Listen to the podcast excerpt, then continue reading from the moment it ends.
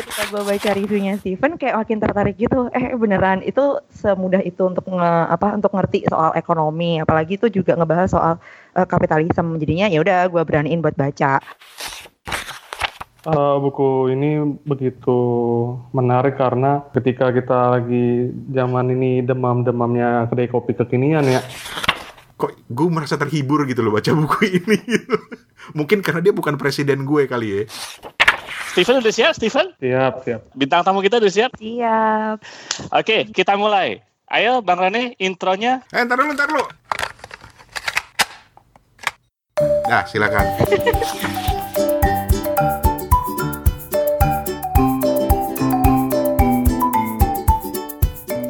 Halo, selamat datang kembali di Kepo Buku. Podcast yang selalu ngepoin teman-teman semua, termasuk kita bertiga.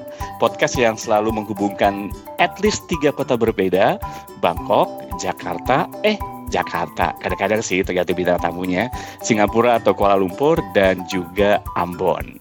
Kali ini saya yang bertugas Hertoto Eko alias Toto dari Singapura nge-host episode kali ini.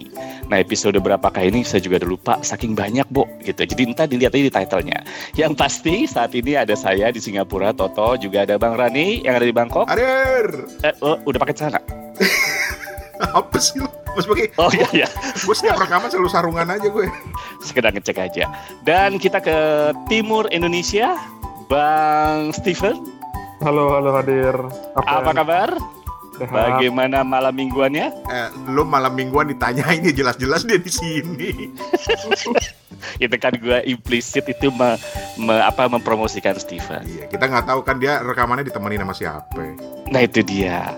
Nah di episode kali ini kita juga menghadirkan bintang tamu yang dulu pernah membuat kepo buku juga melejit. Cah. Beliau adalah eh, siapa namanya lupa gue. eh, eh, eh, tar dulu, tar dulu. Gue udah, gue udah tahu kok. Toto tuh pelupa, makanya gue udah kirimin nama lengkapnya, nama panggilannya, akun twitternya. Awas kalau lupa lo, wah hajar lo. Iya iya ah iya iya ini gue baca lagi.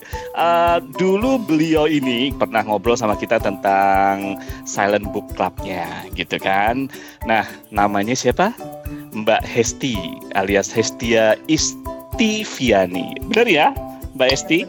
Benar. Apa kabar? Baik. Oh, gue nggak salah kan bacanya. Ya. Ya nggak salah kok. Hesti lagi di mana Ti? Lagi di rumah. Oke, berarti episode kali ini kita ngobrolin buku dulu ya. Apa sih yang kita baca gitu ya? Eh, jadi nanti kita sharing buku apa yang lagi kita baca, baik yang sudah selesai maupun yang belum selesai gitu. Mungkin kita mulai dulu dari siapa ya? Dari bintang tamu lah ya. Namanya bintang tamu kita kasih kehormatan dong gitu, Oke. ngasih barang ya dua tiga lima buku lah gitu.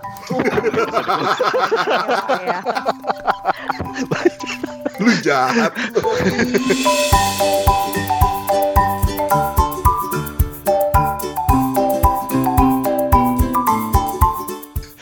lu lagi baca buku apa Ti? Sekarang lagi baca uh, Talking to My Daughter About the Economy, A Brief History of Capitalism. Bukunya Yanis Varoufakis. Dulu dia mantan menterinya Yunani. Hmm, oke. Ceritain dong. Sebenarnya gue baru masih baru sampai bab pertama, tapi yang bikin Hmm. gue tertarik salah satunya karena eh, jadi gue habis selesaiin satu buku esai itu judulnya Hmm. Trick Mirror yang nulis Gia Tolentino. Dia adalah seorang eh, kolumnis di New York New Yorker. Dia mengkritisi masalah bagaimana sih media itu menjadi tools untuk eh, portraying perempuan gitu. Nah, eh, dari kan kalau di Goodreads gue kan suka submit review di Goodreads. Jadi ketika di Goodreads gue submit Hmm. itu sebagai buku yang udah gue baca, muncul kan recommendation yang the next apa yang biasa bisa dibaca gitu. Muncullah itu Oke. si Talking to My Daughter. Nah, waktu gue klik, lucunya adalah eh, yang paling pertama nih di antara berbagai macam review yang dan ngasih bintang 5 itu malah si Steven. dan ketika gue Oh, oke. dan ketika gue baca reviewnya Steven kayak makin tertarik gitu eh beneran itu semudah itu untuk nge, apa untuk ngerti soal ekonomi apalagi itu juga ngebahas soal eh, kapitalisme jadinya ya udah gue beraniin buat baca Bab pertama buku ini lebih ngebahas soal inequality kok bisa sih ada banyak inequality di dunia ini nah si penulis menggunakan analogi ketika eh, benua Australia itu dijajah kan berarti Hmm. menginvasi suku asli kan, suku aborigin. Kenapa Hmm. kok suku aborigin itu tidak melawan balik, nggak ya nggak eh, ngejajah balik eh, kaum Inggris gitu. Nah di situ dia jelasin dengan berbagai macam pendekatan pendekatan yang menurut gua itu bisa diterima sama orang awam. Kayak gua kan bukan latar belakang ekonomi kan, tapi Hmm. bisa ngerti. Oh ternyata eh, equality itu eh, memang ternyata itu sesuatu yang nyata. Orang-orang kalau ngomong soal ekonomi dan pasar atau market itu sebenarnya dua hal yang berbeda, tapi sering kali dijadikan satu hal yang seakan-akan sama. Nah hal-hal kayak gitu tuh yang ya gue baru dapat di bab pertama gitu. Gue belum lanjutin lagi sih bacaannya. Jadi lu kira-kira bakal nyelesain berapa bab lagi? Eh, seharusnya sih semoga besok gue udah selesai. Asik. Cuma dua hari lah. Oke, besok kita telepon lagi. Bisa bisa. Jadi jadi gue baru tahu Hesti itu backgroundnya bukan ekonomi. Bayangan gue, lu tuh karena kerja di sebuah consulting manajemen gitu. Bayangan gue background lu juga ekonomi, Ti. Enggak, enggak. Jauh banget dari ekonomi malah gue. Oh, oke oke. Jadi buku ini menurut lu oke banget buat orang yang non ekonom gitu ya? Iya, karena ternyata cara cara pembawaannya bahasanya pun walaupun si penulis ini mantan menteri udah sering kali ngisi kelas dan emang eh, lulusan luar, eh, lulusan luar Yunani sangat apa ya, sangat membumi gitu loh. Jadi buat orang-orang yang benar-benar awam, dia sangat bisa banget buat nerima ini. Eh, itu kan judulnya kan Talking to My Daughter do- eh, Daughter About Ekonomi kan ya. Ran bahasa Inggris tuh kenapa jadi kayak begitu? Gue kebanyakan makan jengkol hari ini. Oh, iya. kenapa jadi bedok? Jadi Inggris-Inggris bojong kulur dikit gitu. Iya gitu. Nah, gue tuh selalu tertarik sama buku yang bisa menjelaskan sesuatu dengan sederhana. Dari judulnya aja udah menarik gitu ya. Tapi dari dari dari gaya bahasanya, karena kan judulnya Talking to My Daughter, gue asumsikan dia akan menggunakan bahas gaya bahasa yang sederhana atau struktur yang mudah dipahami atau gimana? I- iya nggak? Gitu nggak sih, Ti? Bener-bener. Jadi waktu di preface-nya atau apa prolognya itu Hmm. dia bilang dia nulis ini itu salah satu buku yang paling ringan pernah dia tulis tanpa banyak menggunakan banyak referensi karena tujuannya ya memang Hmm. dia ingin uh, menjelaskan kepada putrinya waktu itu umur 14 tahun. Jadi dia nulis ini untuk anak yang umur 14 tahun. Pertama kali dipublis 2013 bukunya. Hmm. Nah, kenapa kok itu berhubungan sama bab pertamanya? Kenapa uh, dia pakai contoh benua Australia? Karena anaknya besar dan sekolah di Australia. Jadi Oh. kayak itu yang paling gampang akan dipahami oleh anaknya gitu. Hmm, jadi benar-benar dia persembahkan buat anaknya ya. Iya, Hmm. betul. Lo harus baca Ren sebagai eh, tes berikutnya Ran. Emang lu udah baca itu? Enggak, kalau lu lolos berarti di buku gampang banget emang. Tapi serius, banyak hal yang Toto jago tapi gue benci. Paling nggak ada dua, satu ekonomi, dua matematika. Eh, dua-duanya sama sebenarnya masalah angka doang gitu. Apalagi urusan nama angka. Makanya tapi tapi gue berpikir bahwa dengan di bidang pekerjaan gue sekarang dan juga untuk pengetahuan umum, gue juga harus dong ngerti. Hmm. Makanya gue gue dulu pernah Hmm. beli buku, gue lupa judulnya, tapi intinya itu adalah kumpulan tweet dari seorang eh, Hmm. Ahli ekonomi yang mencoba menjelaskan dengan tweet. Jadi kurang foolproof apa gitu loh. Dia Hmm. menulis buku yang merupakan eh, kalimatnya pendek-pendek kayak tweet karena memang itu diambil dari tweet dia untuk menjelaskan tentang ekonomi. Itu pun gua kagak paham, cuy. Eh, ta- cuman sebentar. Kalau mungkin kalau yang backgroundnya non ekonomi juga ada Steven ya. Fen, lo udah pernah baca buku ini, Fen? Iya, udah udah. Waktu Oh, tuh, gimana menurut lo, Fen? Ah, buku ini Tuh. bagus banget, bagus TOP banget. BGT. Hmm. Tope banget. Oh, jadi menurut lo yang lo kan backgroundnya juga bukan ekonom kan, Fen? Iya, bukan. Tapi Jadi- eh, si penulis ini benar-benar bisa menggarap ekonomi dengan simpel dengan hal-hal Hmm. yang bukan berjelimet eh, Hmm. teks-teks ekonomi, istilah-istilah yang bikin kita jadi keder gitu.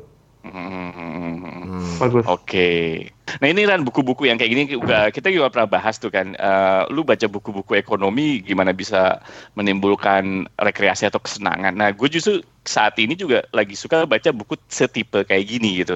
Gile ya, buat lo begini rekreasi ya. Loh enggak, maksud gue karena background gue ekonomi gitu. Seharusnya Ah, oke. gue ba- baca yang lebih jelimet lagi kan. Hmm. Tapi gue suka karena justru dari sisi lain orang bisa menjelaskan ini dengan bahasa yang lebih mudah kan. Menurut gue dulu kan pernah gue bilang orang yang pintar itu adalah orang yang bisa membuat sesuatu yang sesuatu yang kompleks rumit menjadi mudah dicerna Hmm, gitu. hmm, hmm. Kan kalau lu pinter misalnya fisika kuantum gitu terus lu bisa jelasin ke anak umur lima tahun dengan cara sederhana ya oke banget. Dan misi gue misalnya gue bisa menjelaskan ekonomi yang rumit itu ke lu, nah itu menurut gue gue jenius banget gitu. Oke, Sti, keren banget ya Ti ya. Terus Ti, pengaruhnya apa Ti? Kalau misalnya gini, kalau gue bilang lu udah tahu ini, pengaruhnya apa di kehidupan profesional lu misalnya kayak gitu? Kalau kalau gue kalau lihat sih bukan Hmm. ke arah kehidupan profesional kali ya, tapi lebih ke Hmm. arah ya Impact ekonomi lu kan buat- bukan. Iya buat gue sendiri sih kayak ekonomi kan bukan sesuatu yang menjadi fokus gue gitu. Akhirnya kayak Hmm. oh ternyata ada berbagai macam hal yang yang selama ini gue lihat tidak saling berhubungan itu berkaitan satu sama lain. Jadi misalnya kayak Hmm. Gue nggak peduli mau jajan apa, misal mau spending uang kayak gimana, itu itu kan untuk kehidupan gue sendiri. Eh tapi ternyata dari behavior kayak eh, seperti itu, itu akan mempengaruhi banyak hal gitu. Misal itu yang yang sejauh ini gue lihat sih dari dari buku itu. Lu ada buku lagi megang bukunya nggak, Ti? Bukunya di Kobo di ebook reader. Eh. kenapa? Lu pakai? Kobo, Iya betul. bukan Kindle. Please jangan dihujat. Lu nggak dihujat. Gue malah pengen tahu. Emangnya kenapa ya kalau pakai kobo ya? Tahu. Sering banget dihujat. Ki, Kenapa sih lo nggak pakai Kindle aja? Kenapa harus pakai Kobo? Siapa sih yang di Indo pakai Kobo? Aduh sering banget gue digituin. Oh ya? Hmm. Kobo Ya. itu berarti nggak kalau Kindle tuh Amazon kan. Kalau Kobo itu ada hubungannya dengan salah satu publisher. Rakuten. Rakuten Rakuten. Jepang. Rakuten. Dia di bawahnya Oh. Rakuten. Oh. Gitu. Mungkin dia ini kalau Esti itu sekalian subscribe sama itu Rakuten drama-drama Korea gitu ya, drama Jepang gitu ya. Tapi boleh dong dikit. Kenapa Kobo? Hmm. Gue dulu dikasih kado ulang tahunnya Kobo. Terus ya udah. Hmm. eh, begitu ada yang versi barunya tahun 2018 ya daripada gue pindah account ya gue Hmm. pakai Kobo aja lagi gitu. Ah, ini insight aja buat insight aja. Ran, lu kenapa Kindle? Kurang ajar dia balasnya ke gue. Lo enggak, ini buat insight sekalian. Lu kenapa Kindle? Kindle eh, setelah gue pelajari paling nggak dari subjektivitas gue, gue ngeliat kayaknya banyakan bukunya di Kindle deh. I see, oke. Van, lu kenapa Kindle? Kindle juga, Stephen juga Kindle kan? Iya. eh, Kenapa Van Kindle? Waktu itu kan ini em, kalau buku elektronik tuh top of mind-nya Kindle, Amazon Kindle. Ah, Oke,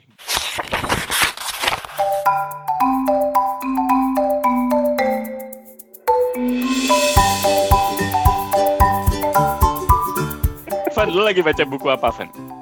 Eh, ini pertama-tama aku pengen ngomong ke Hesti dulu nih. Eh, Oh, selamat oke. buat eh, Silent Book Club-nya dia yang chapter Jakarta di approve di bulan Desember 2019 kemarin Wey, gitu. Hmm. Oke. Udah anggotanya udah berapa, Ti, sekarang, Ti, yang di chapter Jakarta aja? Gue nggak pernah ngitung pastinya tapi kayak setiap Nggak kali gue ya? ngadain gue ngadain per bulan itu kayak bisa lebih dari 20 gitu lama-lama yang datang rame. Uh, keren banget. Jadi lu udah dapat sponsor ini belum? Kafe gitu di sini aja gitu. Eh, Misalnya. belum sih, belum belum ada. Belum ya? belum Enggak ada. kalau lu udah kita mau belajar karena uh, Kepo buku itu udah berapa seri tuh penerbit belum ada yang ng- iklanin kita ya Ran ya. Jujur banget. sentimen gue rasa sih sentimen. Sentimen sama kita tuh. Karena dia bilang ini kayaknya acara review bukunya kagak proper banget. Kagak proper banget. Gue penasaran deh, itu di, diakui maksudnya gimana sih, Ti? Eh, jadi kan gue masukin tuh ya semacam kayak application form gitu. Gue gue Hmm. pingin mendaftarkan di eh, apa Silent Book Club yang internasional. Jadi kalau kalau Hmm. terdaftar itu bakal di petanya mereka kayak Google Maps gitu deh, kelihatan pinpointnya di mana aja. Wih. Selain itu nanti dapat Ada foto semacam- gitu, Ti. Enggak enggak ada kok. Kali. Terus terus terus terus. terus Terus, terus, semacam semacam ini loh printable apa namanya bookmarks terus habis gitu berbagai macam ha- apa eh, merchandise bukan merchandise sih ya yang bisa di print gitu dan itu ada logo-logonya dari Silent Book Club yang di San Francisco terus bisa ikut join mailing listnya mereka saling sharing kayak gimana sih cara ngeda- ngedatengin banyak orang buat ikutan book club kayak gitu doang Hmm, Ah, keren. keren banget ya. Wah. Lah jangan ditiup dong. Orang dibilang keren mah ditiup mereka. ah, lu tuh ah, jadi ketawa gue. Serius ah. Lu Ah. lu gimana ada orang mau sponsorin kita kalau kita bercanda melulu? Iya gimana sih lu nih? Podcast buku apa kok podcast lawak sih? Nah, serius, serius. Oke. Oke, eh, balik lagi ke Steven. Ah, Steven, lu lagi baca buku apa? Yang gue lagi baca nih eh, kiat mengelola kedai kopi. Keren. cakep. Bentar Cakep, lagi bakal cakep, ada cakep. kedai buku Ksatria, eh kedai kopi Ksatria buku. iya. Eh, dari kiat mengelola kedai kopi ditulis sama Colin Harmon. Dia ini pemenang empat kali kejuaraan barista Irlandia gitu. Ini ini terjemahan Indonesia. Iya, ini diterjemahkan oleh Dina Begum, Dina Begum, eh, dan dirancang sampulnya dengan apik sekali oleh dua suku tangan. Hmm. Selamat malam dua suku tangan. nih email kita kagak dibales-bales nih. Podcast curhat. Podcast curhat. Fen, apa yang menarik Fen dari buku ini, Fen? Eh, buku ini begitu menarik karena ketika kita lagi zaman ini demam-demamnya kedai kopi kekinian ya, Hmm. si pendiri kopi 3VE ini dia bilang kalau eh, orang yang mau terjun ke industri horeca, hotel, resto, cafe itu sebenarnya tuh mereka tuh nggak glamor-glamor banget lah. Eh, ketika mungkin barista yang instra- instagramable, eh, apron yang uh keren banget, tapi ketika terjun di industri itu eh, harus siap dengan segala pergumulan harian, rutinitas yang monoton gitu. Dan dia benar-benar sharing apa yang dia tahu tentang eh, membuka kedai kopi gitu. Ini baru baru setengah banget baru aku eh, baca di bab bagaimana cara memperkerjakan orang gitu. Menarik gitu untuk eh, gimana cara eh, hire orang, gimana melihat tempat, terus gimana sih untuk bikin kedai kita tuh yang selalu kelihatan rame gitu. Kenapa meja yang di dekat jendela tuh semaksimal mungkin tuh harus selalu ada orang di situ biar kedai kita kelihatan dari luar tuh rame ternyata. Hmm. Jadi dengan begitu lu pengen bikin kedai kopi juga, Fen? Pengennya. Terus ada satu lagi nih.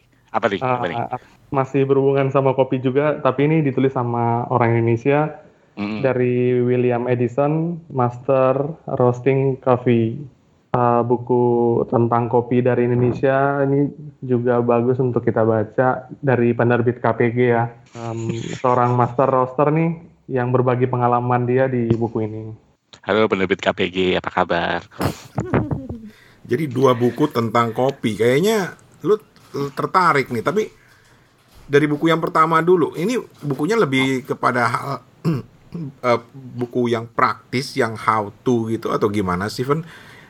Kira-kira gini deh, kalau gua pengen bikin eh, kedai kopi, nih kira-kira bisa ngebantu nggak buku ini secara praktikalnya? Banget banget dan um, dia ini bikin apa um, hal-hal yang dia ketahui gitu ya. Dia sharing aja gitu, bukan how to banget tapi hal-hal praktikal yang berdasarkan insight-insight dia ngebuka kedai kopinya gitu Hmm. sebelumnya. Misalnya nih, ya, misalnya nih, berpakaianlah yang rapi, gunakan cangkir hangat, bukan panas, bukan dingin, terus jangan sajikan cangkir dengan bekas lelehan di sampingnya gitu. Oke. Gue lebih tertarik tadi yang itu tadi yang Steven bilang Kapan? di dekat jendela usahakan selalu ada orang gitu. Jadi kayak etalase gitu nggak sih? Ah, ah. Iya. Eh, iya kan? Oh, oke oke oke. Menarik itu menarik sih. Jadi di salah satu eh, di Pacific Place itu ada satu Hmm. kedai kopi baru. Hmm. Kalau misalkan kalau misalkan sering lihat gimana eh, apa manekin-manekinnya kayak H&M dan lain-lain itu eh, Hmm. apa ya disinari oleh sinar yang kayak cukup terang. Nah, si Hmm. kedai kopi itu juga seperti itu. Jadi dia menggunakan etalase yang tinggi banget gitu, maksudnya yang kayak di H&M gitu. Mm-mm. Instead of instead of eh, apa ngasih dekor dekoratif dekoratif, dia bener-bener ngasih meja sama kursi. Jadi kayak kalau kita ada di dalamnya kedai kopi itu bener-bener kayak manekin gitu loh kalau dia dari luar. Oh, Beneran. oke. It feels oke. weird gitu sih. Buat gue sih itu kayak eh, ngerasa aneh aja kayak lo lagi ngopi terus diliatin dari luar gitu loh. Aduh, aneh sih. Hmm. Cocok tuh kalau buat kita berdua tuh Ran. Kenapa? Kita kan narsis orangnya. Bawahnya ada bangku yang deket jendela. Selamat malam kakak. Mau di dekat jendela apa di tengah kakak? Oh, di jendela pastilah. Gitu. Dan gue tahu nih Steven nih kayaknya eh, bikin mau bikin kedai kopi ini supaya bisa jadi nge-host Silent Book Club-nya Hesti ini kayaknya nih. Ah, Hmm, ya gitu ya, Van ya. Ada teori konspirasi di belakangnya, gue yakin itu. Ah, kan bener. Steven emang suka begitu kalau grogi. Iya. Maafkan ya, Van ya. Terus terus Pan. terus terus Van. ini lagi ini lagi yang yang bisa dipelajari nih ya. Misalnya kayak orang ini ketika masuk kedai kopi ya ada meja standar sama meja yang lebih tinggi ya misalnya ya. Mhm. Hmm. Kita bayangin. Nah orang-orang tuh pada nggak mau berbagi meja tuh sama meja yang standar. Hmm, Tapi ketika meja yang lebih tinggi ini kosong, orang-orang atau pengunjung kedai ini lebih mudah untuk untuk masuk untuk berbagi gitu. Hmm. Nggak tahu kenapa. meja yang tinggi. Oh, bar maksudnya tempat duduknya lebih tinggi gitu. stool bar, Iya. stool bar. Iya nggak Stool sih? bar ya. Iya. Full bar ya itu. Dugaan gue karena itu memang dibuat bukan untuk orang duduk dengan nyaman. Hmm. Jadi dia nggak peduli kalau ada orang lain mau ikut nimbrung di situ karena diasumsikan mungkin ya mungkin ya orang akan Mm-mm. ya praktis aja buat cepat minum cepat aja terus pergi. Kalau tempat yang Oh, duduk Standar. biasa kan santai, bisa nyaman dan gua nggak mau diganggu ada orang lain. Gue sih mikirnya gitu. Hmm. Betul, betul, betul. Tapi kalau lo pribadi lo lebih milih tempat duduk yang mana? Yang yang biasa, standar atau yang stool bar? Lu gampang, lu kalau mau nyari gue di kedai kopi lihat di pojok. Apa emang yang mojok lo? Dua hal. Pertama, karena saya orangnya pemalu kakak. Oke. Terus? Yang kedua, gue tuh kadang-kadang suka ngerekam podcast di kedai kopi dan itulah makanya kenapa gue suka cari di pojok. Jadi nggak menggema. Hmm. Oh, Jadi banyak oke. banyak apalagi di apalagi di Bangkok karena gue mikir nggak ada orang yang tahu gue ngomong apa ini gitu kan. Jadi ya gue cari tempat di pojok aja gitu terus rekaman deh. Hmm. Tapi kalau lo di silent book itu biasanya kalau di cafe gitu lo d- ngumpul di sebelah mana biasanya? Di meja panjang. Kalau Di misalnya meja kayak, panjang ya. Nah, kayak di Starbucks itu ada satu meja panjang yang sama-sama kan ya udah itu pasti kita ini sih infansi langsung. Van ada lagi Van yang mau diceritain dari bukunya? Uh, basically ini buku buku panduan untuk mengelola kedai kopi sih buat buat aku. Misalnya kayak udah pengen buka nih, misalnya ada duit, Hmm. tapi mungkin sebelum duitnya digelontorin untuk membeli franchise ataupun uh, emosional untuk sewa tempat, terus beli peralatan, mungkin ini buku yang bisa jadi pegangan teman-teman untuk uh, look into industri perkopian gitu. Oke. Ini buku-buku yang buku yang menarik untuk kita ketahui terlebih dahulu. Penerbitnya belum aku mention tadi. Penerbitnya tuh Kria Rasa Indonesia. Oh, Kenapa Ti? baru dengar namanya, baru dengar. Eh, dah gue kira lu langsung ring a bell something. Enggak, enggak, enggak. Hmm, Oke.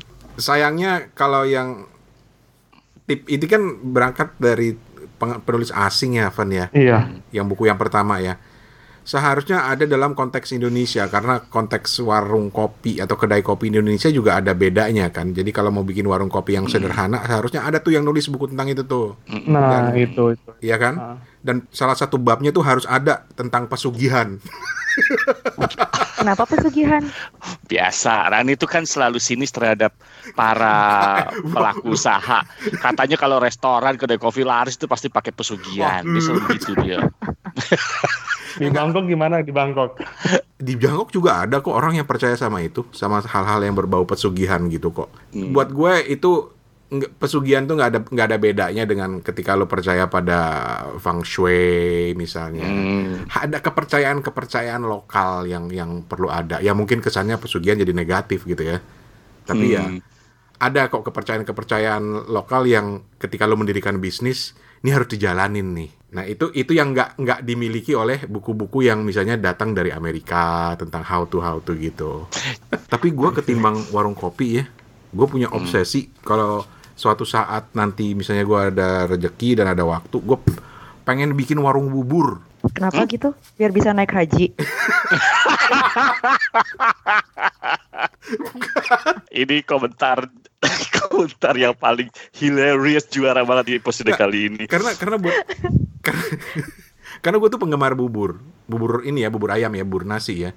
Dan gue ternyata menemukan banyak banget macam-macam bubur gitu loh. Jadi dengan hanya basis bubur. Jadi keren kan gitu kan ketika lu punya konsep warung bubur tapi bubur macam-macam misalnya bubur dari China, bubur bubur Manado, bubur ayam, bubur Sukabumi gitu. Itu kan basicnya semuanya tinggal Hmm. bubur.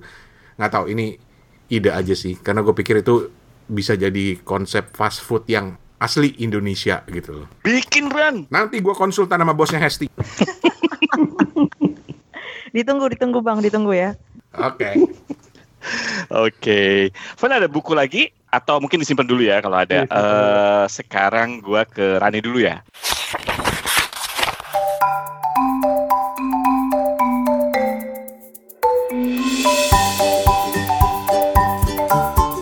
Oke, Ran, baca buku apa Ran?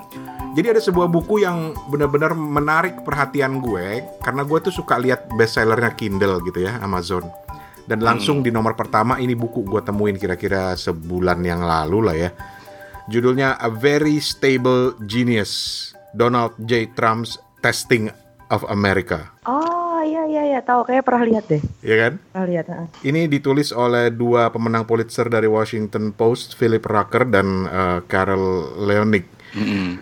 Kenapa gue langsung tertarik? Satu judulnya A Very Stable Genius. Ini kan diambil dari kata-katanya Trump sendiri Mm-mm. yang selalu membanggakan di tweetnya di salah satu tweetnya dia selalu bilang, "Oh, I'm a very stable genius." Dia bilang dia selalu bilang gue nih genius. Dan Oke. dan kisah Trump ini selalu menarik buat gue. Pokoknya kisah tentang presiden Amerika itu selalu menarik buat gue. Entah dari film, entah dari buku dan secara khusus Trump ini menarik buat gue karena gue bilang mimpi apa ya orang Amerika dapat presiden kayak dia gitu loh. Mungkin lebih tepatnya lagi mimpi apa ya Amerika karena ada sebagian separuh bang eh, warganya yang memilih presiden kayak dia gitu. Dan Ya mungkin beda aja selama ini. Iya bisa jadi, tetapi buat gue itu selalu menarik. Jadi gue selalu pengen tahu, gue sampai subscribe ke twitternya Donald Trump, subscribe ke twitternya musuh-musuh dia, karena tuh buat gue itu menarik gitu loh. Sebuah negara superpower bisa punya presiden yang kayak begini, yang yang yang rada-rada nggak beres gitu loh. Dan itu semakin diperkuat eh, dengan eh, gue membaca ini, karena buku ini kan sebenarnya Hmm. I- eh, si Philip Rucker sama Carol Leonnig ini kan wartawan Gedung Putih, pemenang Pulitzer, udah pernah meliput untuk beberapa presiden Mm-mm. dan dia inside informationnya banyak. Jadi dia banyak mewawancarai orang-orang kalau nggak salah sampai 200-300 orang gitu yang dia wawancarai buat buku ini. Karena menurut dia ini penting. Seharus ada buku yang merekam sebuah kepingan sejarah dari Amerika di zamannya Donald Trump dan itu harus akurat karena kita tahu di zaman Donald Trump itu kan semuanya dikontrol banget sama dia kan, di, dikuasai banget lah arus informasinya. Yang tidak sejalan dengan dia selalu disebut fake news. Nah, buat gue yang menarik dari buku ini dan perlu rasanya eh, kita tahu juga eh, karena ini adalah sebuah sejarah adalah cerita-cerita kecil, cerita menarik dari balik eh, gedung putih di- dari dalam gedung putih gitu loh tentang misalnya hal-hal yang kecil lah. Mm-mm. ada satu bab misalnya staff dia salah pilih ubin yang buat dia norak banget padahal itu Trump sendiri yang minta. Itu dari hal yang kecil seperti itu sampai hal yang gede. Misalnya di Pentagon itu kan ada satu ruang khusus ya ruang khusus yang yang disebut the tank. The tank itu adalah ruang rapat yang yang klasik banget yang yang sakral banget. Tempat para pemimpin Amerika jenderal-jenderal ngumpul sama presiden ketika dalam situasi perang. Nah, jadi pernah ada satu masa di awal-awal ke pengurusannya Donald Trump ketika eh, petinggi-petinggi militer ini ber- berpikir kayaknya kita perlu deh undang Donald Trump ke sini untuk kita kasih briefing tentang kenapa sih kebijakan militer Amerika begini, kenapa ada pangkalan di sini, kenapa di sini nggak ada, bagaimana hubungan dengan Korea Utara, Korea Selatan, dan pokoknya untuk ya namanya presiden baru, jadi mereka pikir perlulah Mm. untuk dikasih briefing gitu. Yang terjadi adalah sejarah karena di situ ternyata Presiden Trump ngamuk-ngamuk. Jadi Trump itu nggak suka banget merasa di- digurui. Padahal kan presiden nggak mesti tahu segalanya kan, nggak mesti paham banyak hal. Nah, jadi ketika si jenderal ini menjelaskan tentang kebijakan ini, kebijakan ini, Trump tuh tersinggung dan uh, ujung-ujungnya akhirnya dia marah ngomong langsung ke para jenderal-jenderalnya nih you are a bunch of babies you are a bunch of idiots I won't go to war with you. Itu ternyata membuat para jenderal ini, ini tersinggung tetapi masalahnya nggak ada yang berani angkat bicara gitu. Hmm. Dan ini untuk menunjukkan buku ini juga untuk menunjukkan bahwa gila ya. Gila bener bagaimana seseorang seperti dia bisa melintir informasi dan orang bisa di satu sisi terhibur tapi di satu sisi lain juga banyak yang percaya juga gitu terutama pengikut-pengikutnya. Jadi menarik lah buat gue buku ini dan gue udah udah di penghujung-hujung bukunya. Jadi gue berani bilang kalau lu suka eh, kepo dengan orang dengan Donald Trump. Lu coba deh baca buku ini. Itu benar-benar insight-nya keren-keren banget. Jadi ini memang menggambarkan tentang Donald Trump ya. Donald Trump. Bahkan ada satu hal yang misalnya gue nggak bisa percaya banget gitu ya ketika dia me- ingin memecat salah seorang sta- orang penting lah di eh, eh, wait wait eh, FBI apa CIA gitu ya Mm-mm. itu dia nyuruh orang lain loh untuk pasang badan dan itu dia bilang lu ya yang harus bilang lu yang mecat bukan gue gitu loh Hmm. itu buat gue hah ada ya kayak begini Berarti Bang Bang Bang Rane Bang Rane Hah? mau tanya dong. Udah pernah baca yang lainnya nggak kayak eh, Fear ya yang itu loh. Eh Fe- Fear itu yang oh ya Trump in the White House. iya Bob Woodward Iya. Berarti kalau Fear itu kan kayak lebih ke arah eh, ini ya konspirasinya dia dengan pihak-pihak di luar Amerika yang ternyata itu ada main juga kan sama Amerika. Mm. Nah kalau yang di eh, Very Stable Genius tuh berarti berpusat ke personality Trump.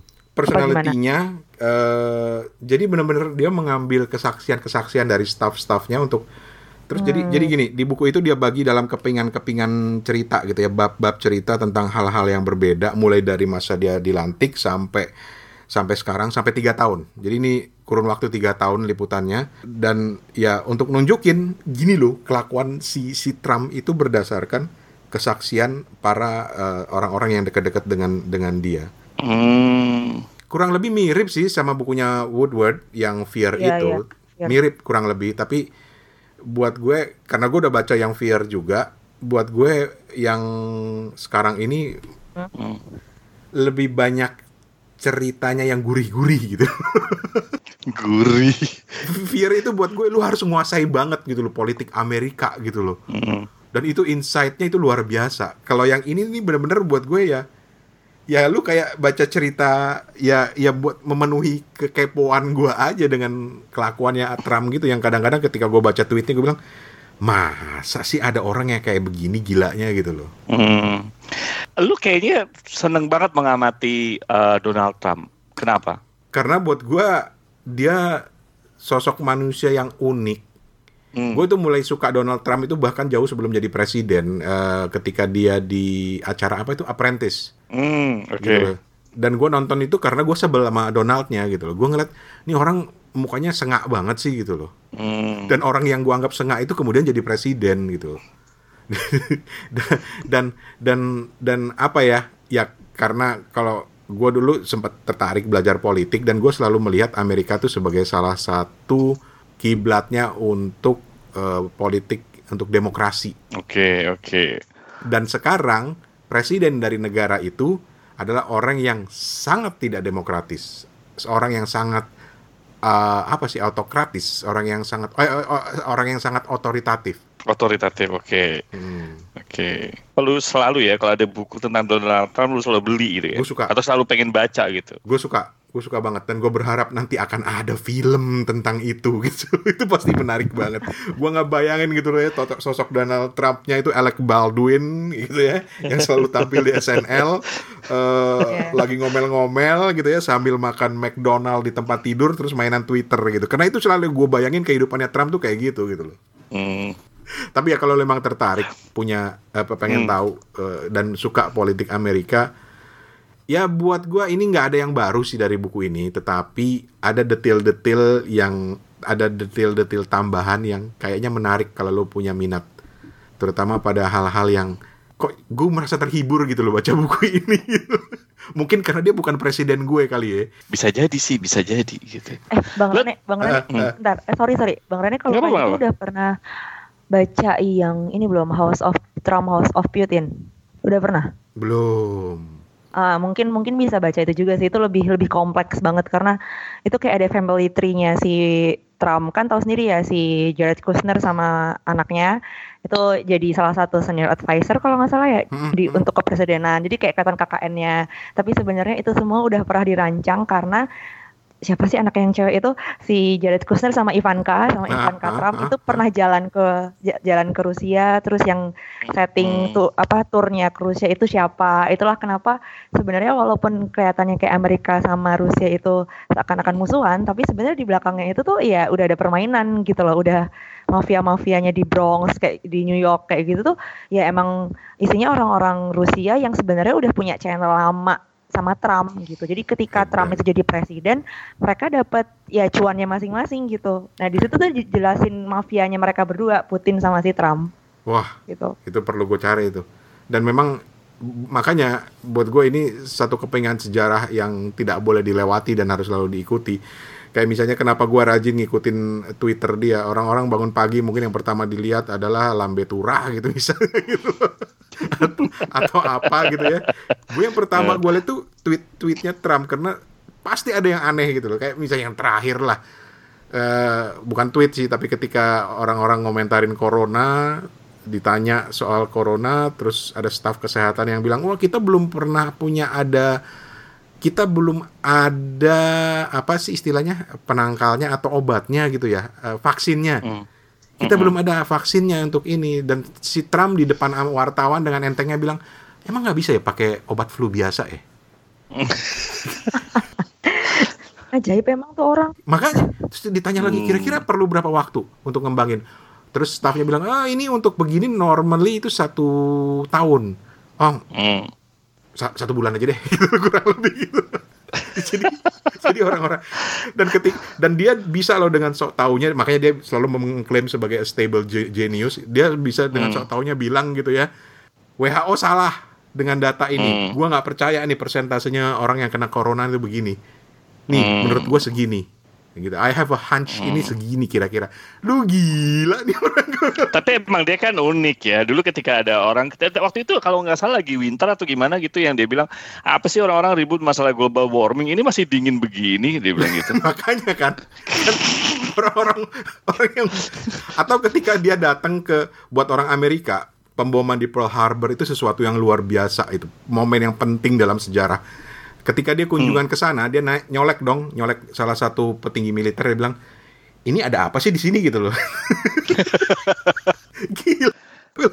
Oke. Ajaib emang dia ajaib banget. ajaib super. Satu hal lagi yang gue suka dari buku ini dan gue pengen tahu adalah karena gue sebenarnya pengen tahu perasaan orang-orang yang kerja di, di buat dia itu gimana sih? Hmm, hmm, pasti pasti banyak yang stres gitu. Walaupun banyak yang hmm. sebenarnya punya cerita tapi tidak mau karena menghargai seorang sitting presiden seorang presiden yang berkuasa jadi lu bayangin dong kalau nanti dia ngoda- nggak udah nggak jadi presiden kayak apa tuh ramenya orang pada ngo- ngomong Bener juga ya. Banyak bukunya tuh ya. Iya orang-orang acara ke apa dia ngundang satu tim tim sepak bola Amerika yang baru menang gitu itu biasanya diundang ke acara gala dinner atau apa ini diundang di White House itu di meja tumpukannya McDonald semua gitu Correspondence dinner yang biasanya aja yang ketika ada Trump terus kayak berubah gitu loh Berubah. eh, ininya jokesnya juga kan. berubah Tuh total jadi jadi iya makanya jadi wah gila sih dia. gila ya gila ya seru lah amit-amit sekalian mudah-mudahan Indonesia nggak dapet yang kayak gitu Kan lucu buat lucu-lucuan. lucu buat lu Oke, Ran ada buku lagi nggak yang mau sharing? Eh, nggak untuk saat ini itu dulu dan sekarang gua setelah baca ini selesai mungkin ya besok udah selesai lah baru gua akan kembali ke hutang gua untuk baca bukunya ini eh Ayu Utami Belum selesai ya? belum Belum selesai ya? belum Oke.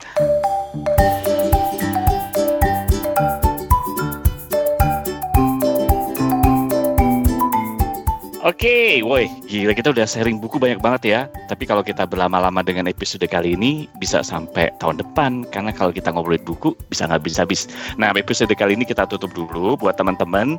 Sekali lagi terima kasih yang udah ngedengerin episode kali ini. Jangan lupa ditunggu partisipasinya. Uh, kita punya website sekali lagi kita ingatkan di kepobuku.com. Terus kalau ada yang mau kirim-kirim apa review gitu ya, ada di email kita juga di hoi kepobuku.com h o i at kepobuku.com gitu. Oke terima kasih Rani uh, yang ada di Bangkok. Sama-sama. Kemudian ada juga Steven yang ada di Ambon. Thank you. Dan juga bintang tamu kita Mbak Hesti. Jahela bintang tamu. Thank you Hesti. Oke, okay, terima kasih. Dan saya sendiri Hertoto Eko alias Toto di Singapura amit undur dari episode kali ini. Yuk, bye-bye. Bye. Bye.